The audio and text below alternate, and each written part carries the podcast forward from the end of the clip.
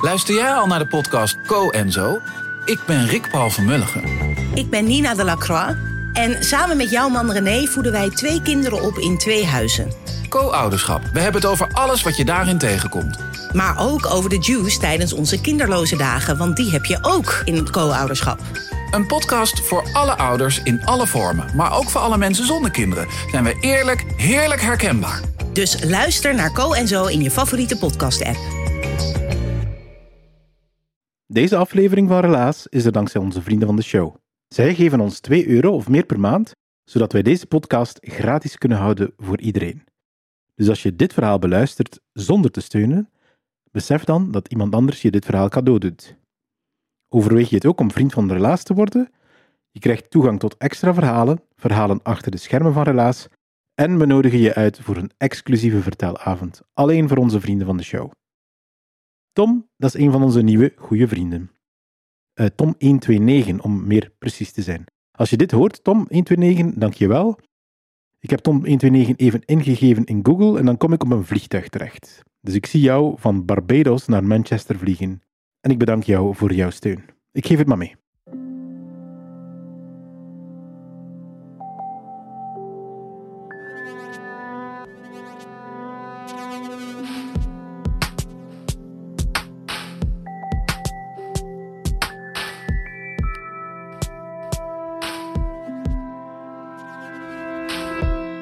Ik ben Pieter van Relaas. In Relaas vertellen mensen waar gebeurde verhalen die ze zelf hebben meegemaakt. Zoals Evelien. Zij vertelt over de vent van haar leven en waarom die zo goed bij haar past.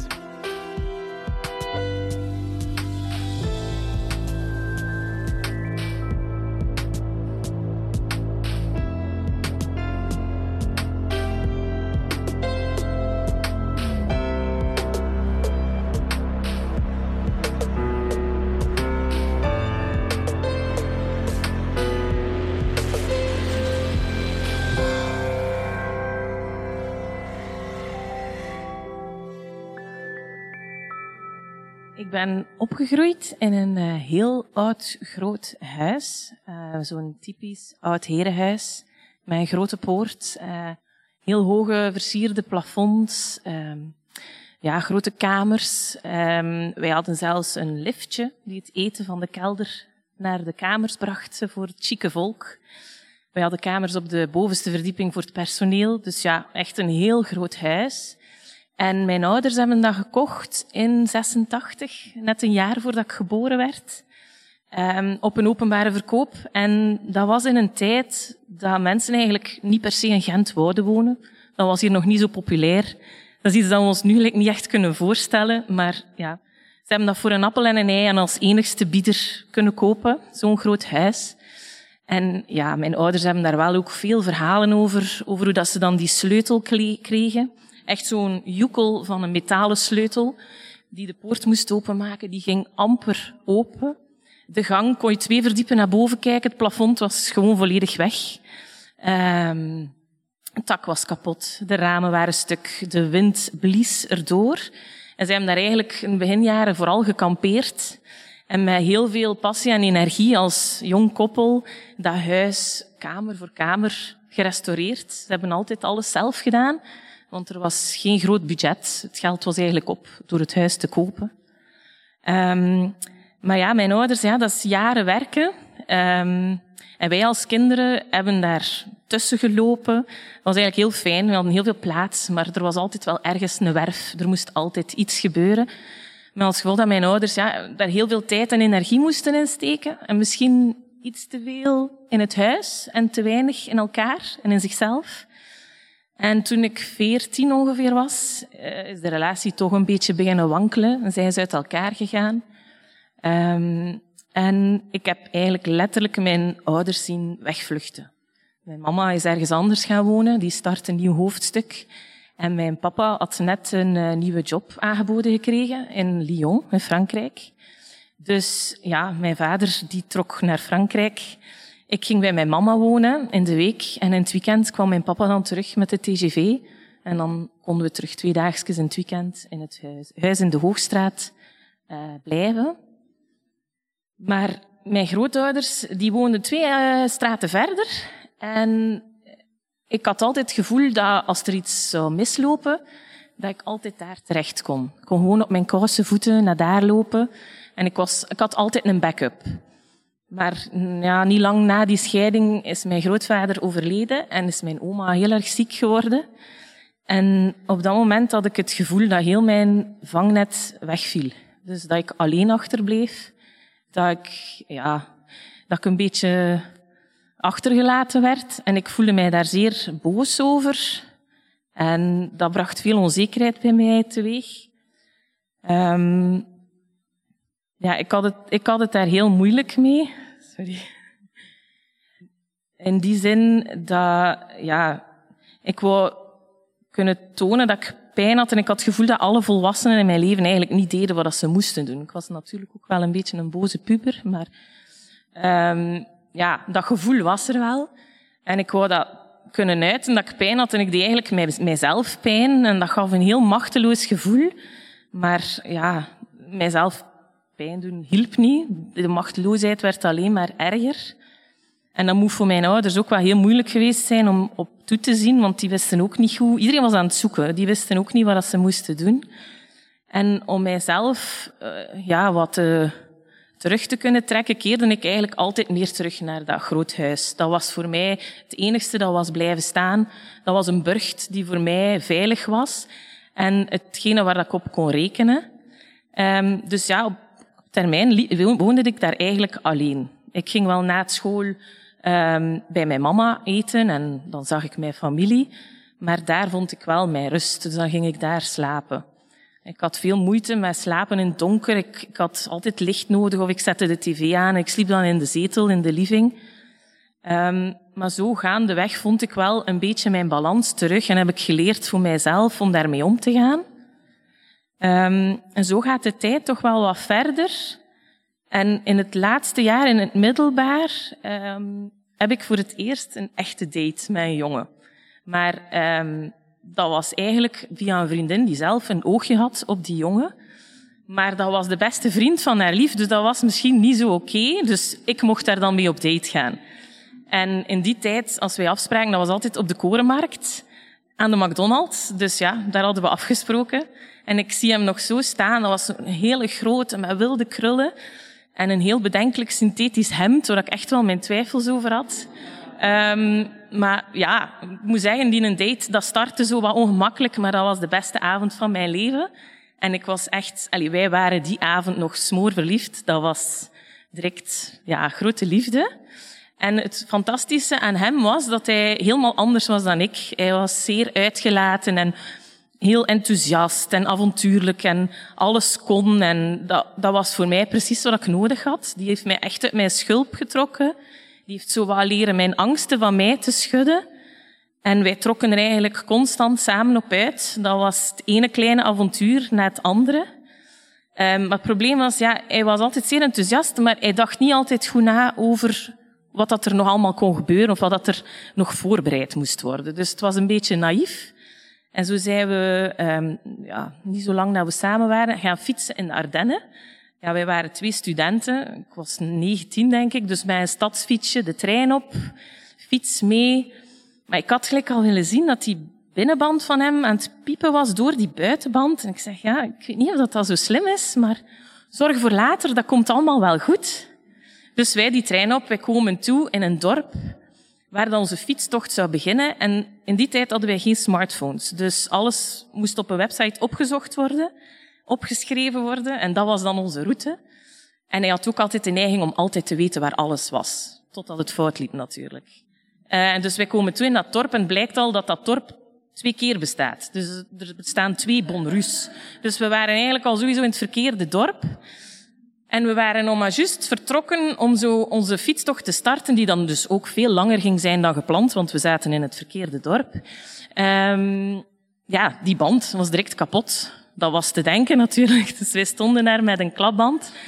Um, moesten een oplossing zoeken. We gingen naar de dichtstbijzijnde supermarkt. En hulp zoeken en dingen vragen aan vreemde mensen, dat is niet mijn sterkste kant. Gelukkig wel zijn sterkste kant. Tom was daar heel goed in. Um, maar het probleem was dat hij altijd de raarste mensen uitkiest om hulp aan te vragen. Dus hij sprak direct iemand aan, maar die man was zeer vuil, stonk verschrikkelijk, was onverstaanbaar, mompelde verschrikkelijk, was ook halve liters aan het kopen, had waarschijnlijk al een paar halve liters opgedronken. Maar goed, ja, die man ging ons helpen. Het was direct geregeld. Ik dacht, oké. Okay. Um, ik weet niet of dat, dat goed komt ja, het verhaal loopt ook raar verder, want dan moesten we mee met hem. Hij ging ons brengen naar de camping. Dus we gingen kamperen in de Ardennen. Um, maar ja, dus de chauffeur kon erin, Tom kon erin, zijn fiets kon erin, maar ik kon er niet in. Dus het plan was dan dat ik de auto moest volgen met de fiets. Maar wij moesten zeker nog een uur en een half fietsen, twee uur. Dat was in de Ardennen, dat waren heuvels, die gingen superveel omhoog, omlaag. Ik was geen ervaren fietser. Ik had een stadsfiets, dat was daar niet voor gemaakt. En ik had ook al superveel stress, omdat die man er echt niet te betrouwen uitzag. Maar ja, Tom zag dat volledig zitten, hij die een auto in.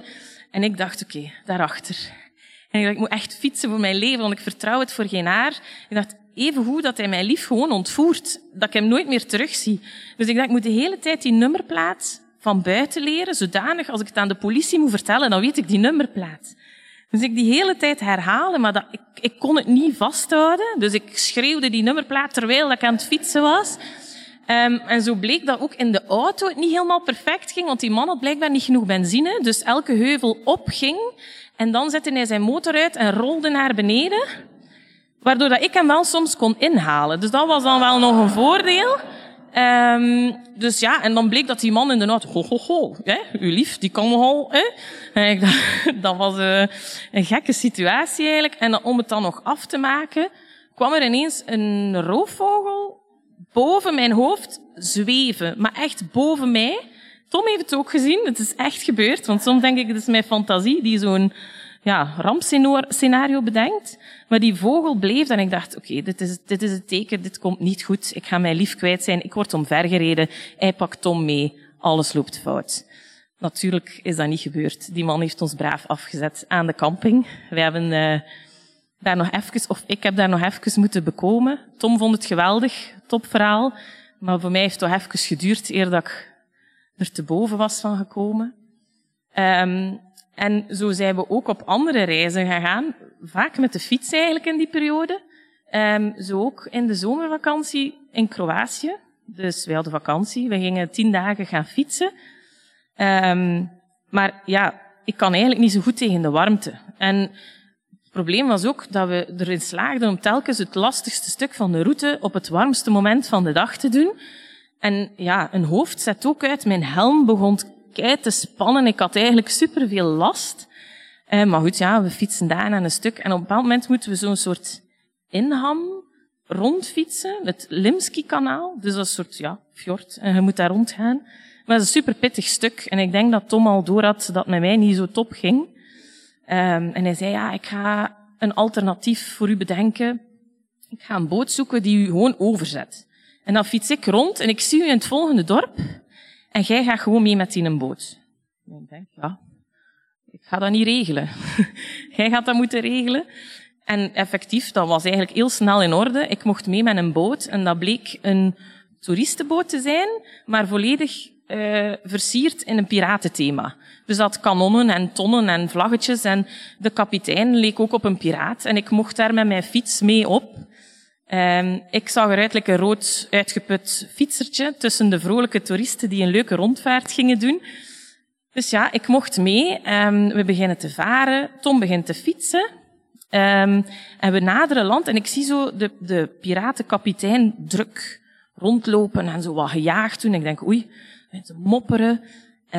ik denk al van, dat klopt hier eigenlijk helemaal niet. Ik zie zo mensen in de verte op een soort dok, steiger, Um, ook zo wat verzamelen. En dan denk ik, oei, is dat normaal?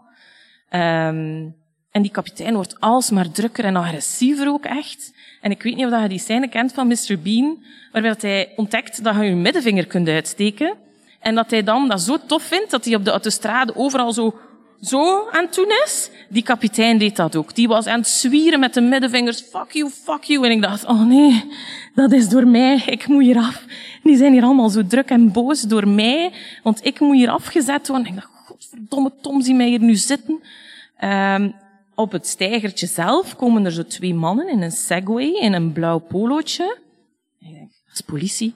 Die gaan mij arresteren. Ik heb hier iets misdaan. Ik mag hier helemaal niet aankomen. Um, mensen zijn aan het zwaaien. Ja, het bleek dat die boot eigenlijk aan het aanmeren was, waar dat er mensen aan het zwemmen waren. Was niet zo veilig. En het was een nudistencamping. Dus die waren waarschijnlijk niet zo tevreden dat al die naakte mensen daar een boot zagen aankomen met allemaal geklede mensen. Dat was niet zo oké natuurlijk. Goed, ja, ik word daar afgesmeten. Ik sta in die nudistencamping met mijn kleren aan. Ik heb misschien een seconde getwijfeld, moet ik mijn kleren uitdoen? Ik heb het niet gedaan. Um, maar ik dacht wel, ik moet hier wel zo snel mogelijk weg, want dit is heel raar. En blijkbaar zijn nudistencampings zeer populair, want die was gigantisch. Dat was de grootste camping dat ik ooit gezien heb. Die had volleybalvelden, basketbalvelden, minigolf, rijen en straten vol met kampeerders. Allemaal naakte mensen. Ik heb echt ook een naakte man worsten zien bakken in zijn, in zijn worst. Dat was super raar. Uh, en ik vond een uitgang niet. Ik heb daar super lang over gedaan om daar mijn weg te vinden. Maar ja, natuurlijk uiteindelijk er wel uitgeraakt heel vlotjes in het volgende dorp geraakt. Heel snel Tom teruggevonden. En voor mij was het echt, oh, dit was echt de hel. En Tom heeft dan altijd zoiets van, ah, maar allee, dat is echt een geweldig verhaal. Ik ben zo blij voor u dat je zo'n dag hebt meegemaakt. Wie had dat gepijst? En dan denk ik altijd, oh, oké, zo kun je het ook bekijken. Maar het is toch wel een beetje lastig. Maar die eigenschap van Tom ben ik wel blijven appreciëren. En wij zijn eigenlijk um, ja, altijd samen gebleven. Um, hij is nu al de helft van mijn leven, mijn wederhelft. Dus wij zijn 18 jaar samen. Um, en ik heb, omdat ik weet dat hij tegendraads de max vindt, heb ik hem ten huwelijk gevraagd. Op zijn verjaardag, een badjassenfeest, want hij is tot van badjassen. Uh, en hij heeft gelukkig ja gezegd. Um, wij zijn dan getrouwd en we hebben ons trouwfeest geïnspireerd op onze favoriete Balkanfilm, Black Cat White Cat. Dat is eigenlijk een super chaotische film waar alles fout loopt, maar uiteindelijk komt alles geweldig goed.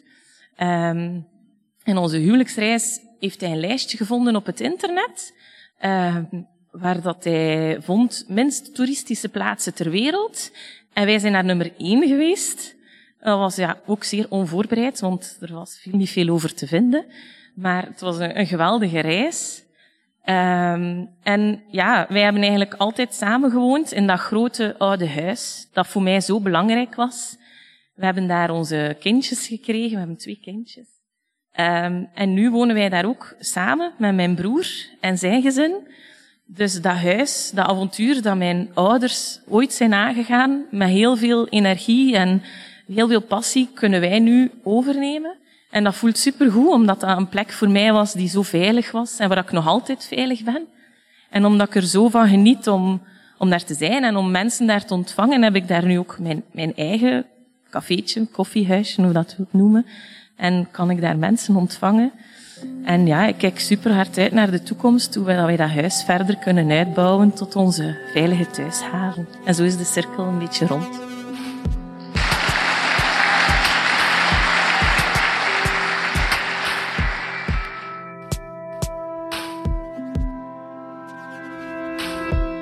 Dat was het relaas van Evelien. Ze heeft het verteld in Gent. Het was een stam.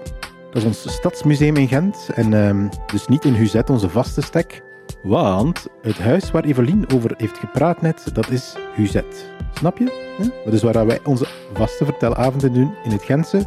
Daarover praat Evelien. Dat is het huis waarover ze praat. Evelien die wou al heel lang zelf eens een verhaal vertellen. Want ze komt altijd kijken naar Relaas en ze organiseert eigenlijk een beetje mee door haar huis ter beschikking te stellen.